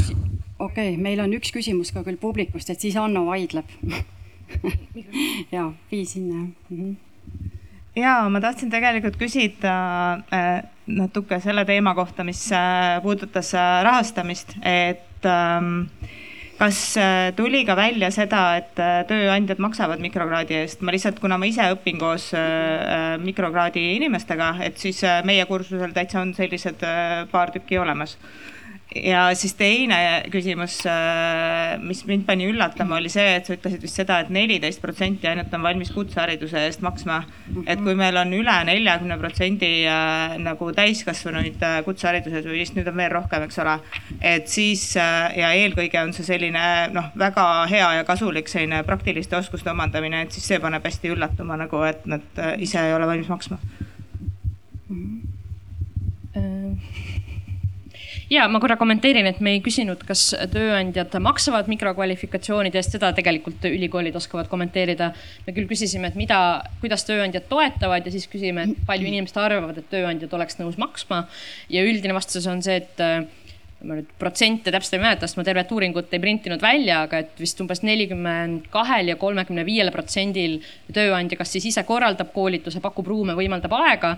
et neid inimesi, kellele üldiselt koolitusi makstakse kinni, on päris palju küll äh, aga lihtsalt, et äh, võib-olla see üldse, et ma tööandjaga aktiivselt vestlen, mis oskusi tal oleks tarvis, et mina omandan, et sellest võib-olla tajus, et inimesed ei osanud väga neid nimetada ja mis puudutab kutseharidust, sest jah, äh, et see oli küll väike, aga see võib ikkagi ka mitte olla seotud sellega, et haridust ei väärtustata, vaid arvatakse, et kes peab hariduse eest maksma mm. -hmm. ja võib-olla see idee, et kuna kutseharidus äh, ja ka kut, selline kvalifitseeritud tööjõud on riigi huvi ka, et siis nüüd mina maksan ise, et seda võib olla lihtsalt nagu vähem, et ta taaskord on seotud meie olemasoleva praktikaga Äh, mis puudutab mikrokraadi programmide maksmist, siis äh, just päris palju tööandjaid maksab, oleneb küll erialast, aga meil on arendustes ka selliseid case'e, kus tööandjatega arutamegi juba, et äh, kuidas võib-olla sisu võiks veel nii-öelda kujundada, et see, see neile ka rohkem võib-olla sobiks, et et on ikkagi märgata seal seda tööandjat rohkem, võib-olla kui selles uuringus, et mis oli jah üllatav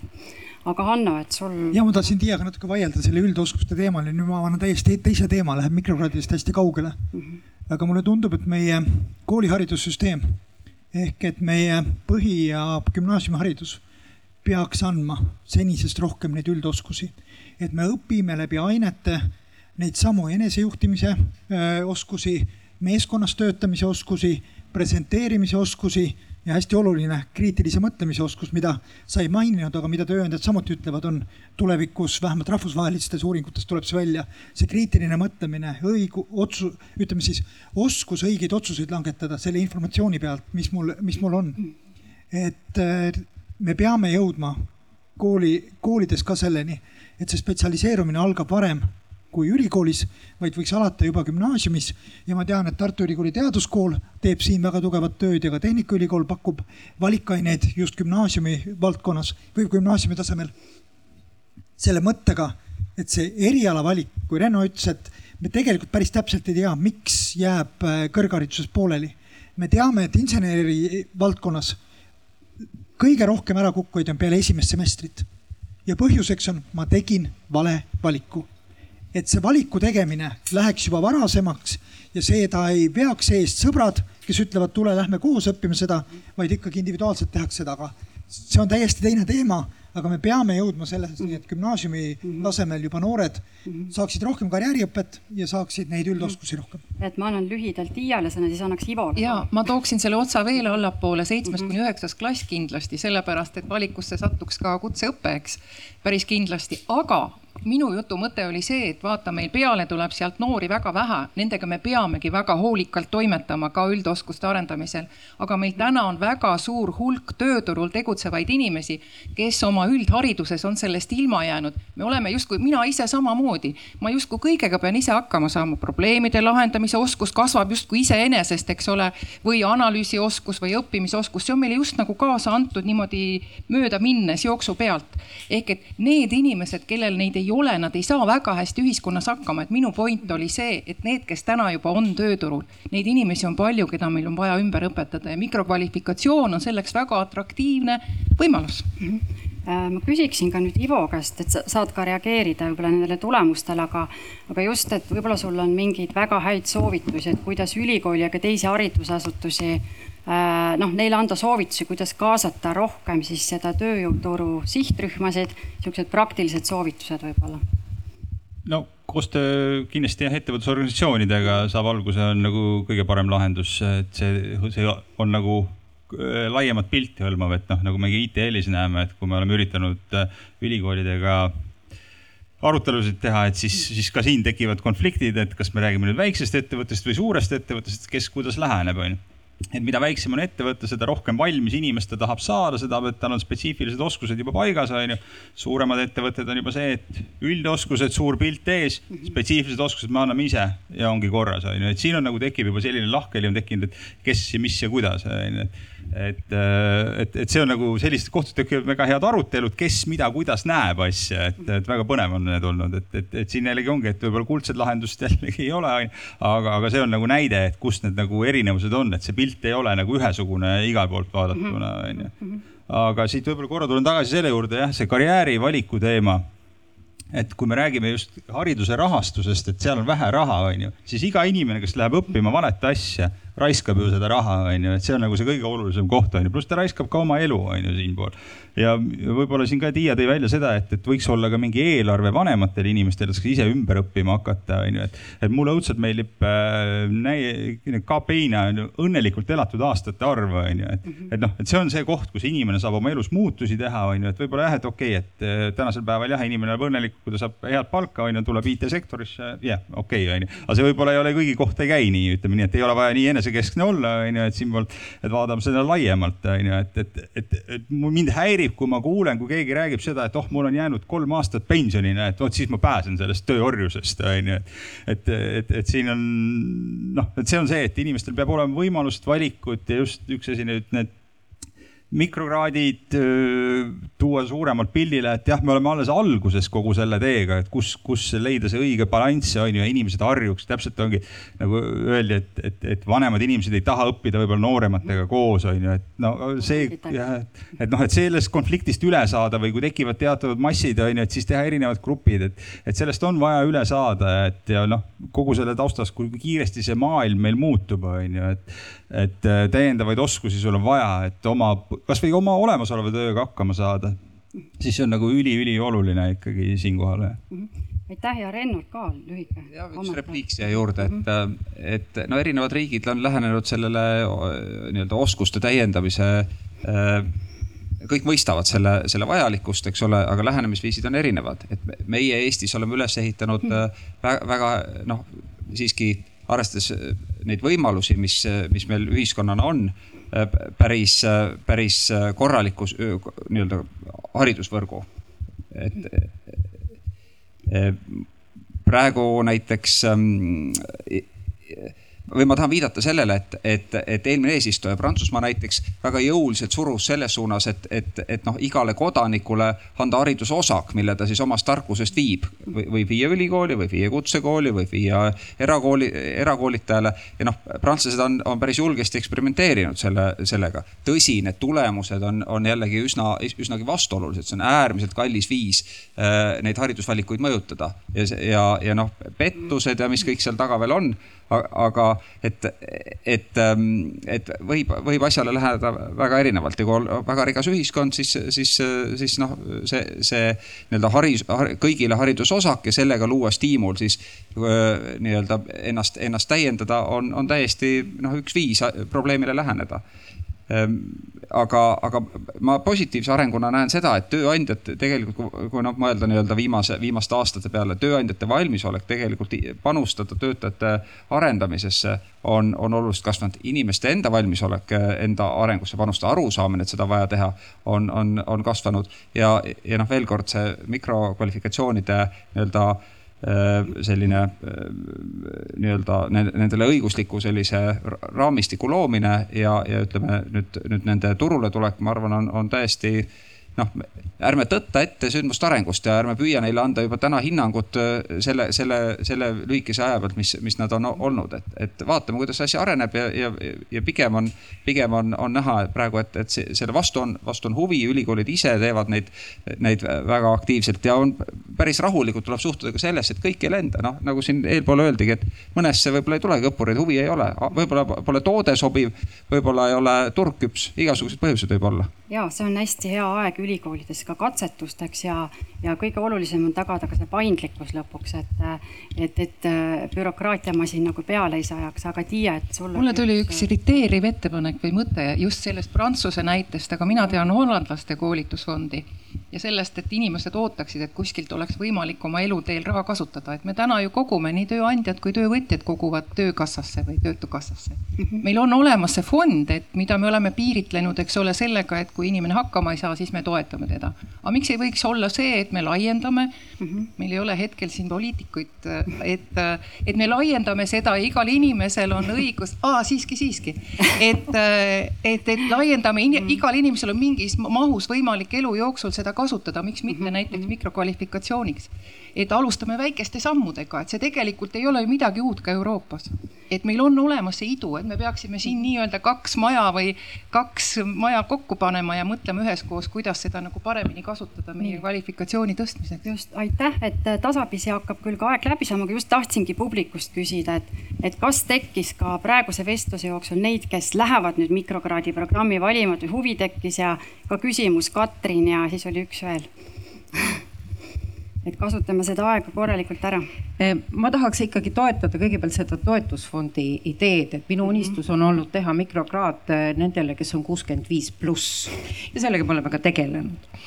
aga arvata, et nad selle ise kinni maksavad või kui ma vaatan nüüd laias laastus, meil on nelikümmend mikrokraadi Tallinna Ülikoolis mm, -hmm. nendest pooled me müüme eh, maha pooltega ilmselt tekib probleeme nad täidavad mingit väga olulist niši lastekaitses, sotsiaaltöös, õpetajahariduses. aga vot need on need valdkonnad, kus kas ei ole vahendeid või õpetajahariduses nad on harjunud saama tasuta koolitusi. me ei müü neid maha, tõenäoliselt ma kardan. nii et, et see fondi asi, aga nüüd üks aspekt veel, et mul on väga hea meel, et meie seadusandlus, mida, mis on kavandatud, on hästi paindlik nähes ette eh, võimalust mikrokraadi teha nii tasemeõppe baasil, eh, sellist segavarianti, midagi uut juurde luua või täiendõppe, mis sisuliselt tähendab midagi täiesti uut. ja see annab ülikoolile võimaluse väga kiiresti reageerida. ülikool, noh, me teame, kõik on suhteliselt konservatiivne asutus. muuta ühte õppekava ei ole üldsegi mitte lihtne. teha koostööd ühe õppekava raames teiste ülikoolidega on veel keerulisem. ma tean, millest ma räägin, ma olen teinud mitu nii rahvusvahelist kui Eestis ühisõppekava. aga alustada väikselt, mikrokraadiga seesama Balti-Saksa, kuulge, meil on kolmsada mõisa, me müüme küll kahekümnele õppijale maha, kes tahavad süveneda. Me müüme ka kaks korda kahekümnele maha, see ei ole, ma arvan, probleem. Et äh, just nimelt see paindlikkus annab võimaluse katsetada uute ja väikeste asjadega ka ülikoolidel ilma suuremate riskideta. et äh, aitäh, ma loodan, et see paindlikkus jääb sinna seadusandlusesse. Aitäh, Katrin ja ole hea, Anna, vot sinna edasi veel. Ja et äkki meil tekkis üks mikrokraadis õppija juurde, jah? Ja ma töötan siin kõrval Paide gümnaasiumis õppenõustajana, olen Heidi ja tahaksin küsidagi osalejatelt, Mhm. et, äh, et kui nüüd minna nende noorte ette, kaheteistkümnenda klassi ette karjääri äh, teemadega, et mis te ütleksite mikrokraadi kohta või kaheteistkümnendale klassile, et kas te soovitaksite? see on väga hea küsimus, see oli ka mul viimane küsimus panelistidele, et mis te soovitate, et palun, kes? ma soovitan kohe ära, et kaheteistkümnenda klassi lõpetaja võiks ikkagi tasemeõppesse tulla. minu soovitus oleks see. ja õppima tehnika ja tehnoloogiaga seotud erialasid just. aga kuhu siis inimene jääb teine võimalus on see, et mitte kõik ei pääse ülikooli mm. -hmm. et siis valida üksikuid õppeaineid, mis on ülikoolide programmides ja katsetada ja proovida, kas see mulle üldse sobib või mitte. -hmm. et mina olen võrrelnud mikrokraadi natukene nagu televiisi, televiisori vaatamisega. Tallinna Tehnikaülikoolis on baka ja magistri tasandil üle tuhande erineva õppeaine. väga keeruline on ka noorel ja ka täiskasvanul teha seda valikut, mis just mulle sobivad mikrokraadide mõte ongi see, et kui sind huvitab see valdkond, see kvalifikatsioon, siis nende ainetega on mõistlik alustada bakalaureuse tasandil või nende ainetega magistri tasandil. ehk et ta seob need asjad kokku. tõsi, kui ma, ma löön kaheksateist ainepunkti kokku, see on kallim oluliselt kui see kuue ainepunkti aine.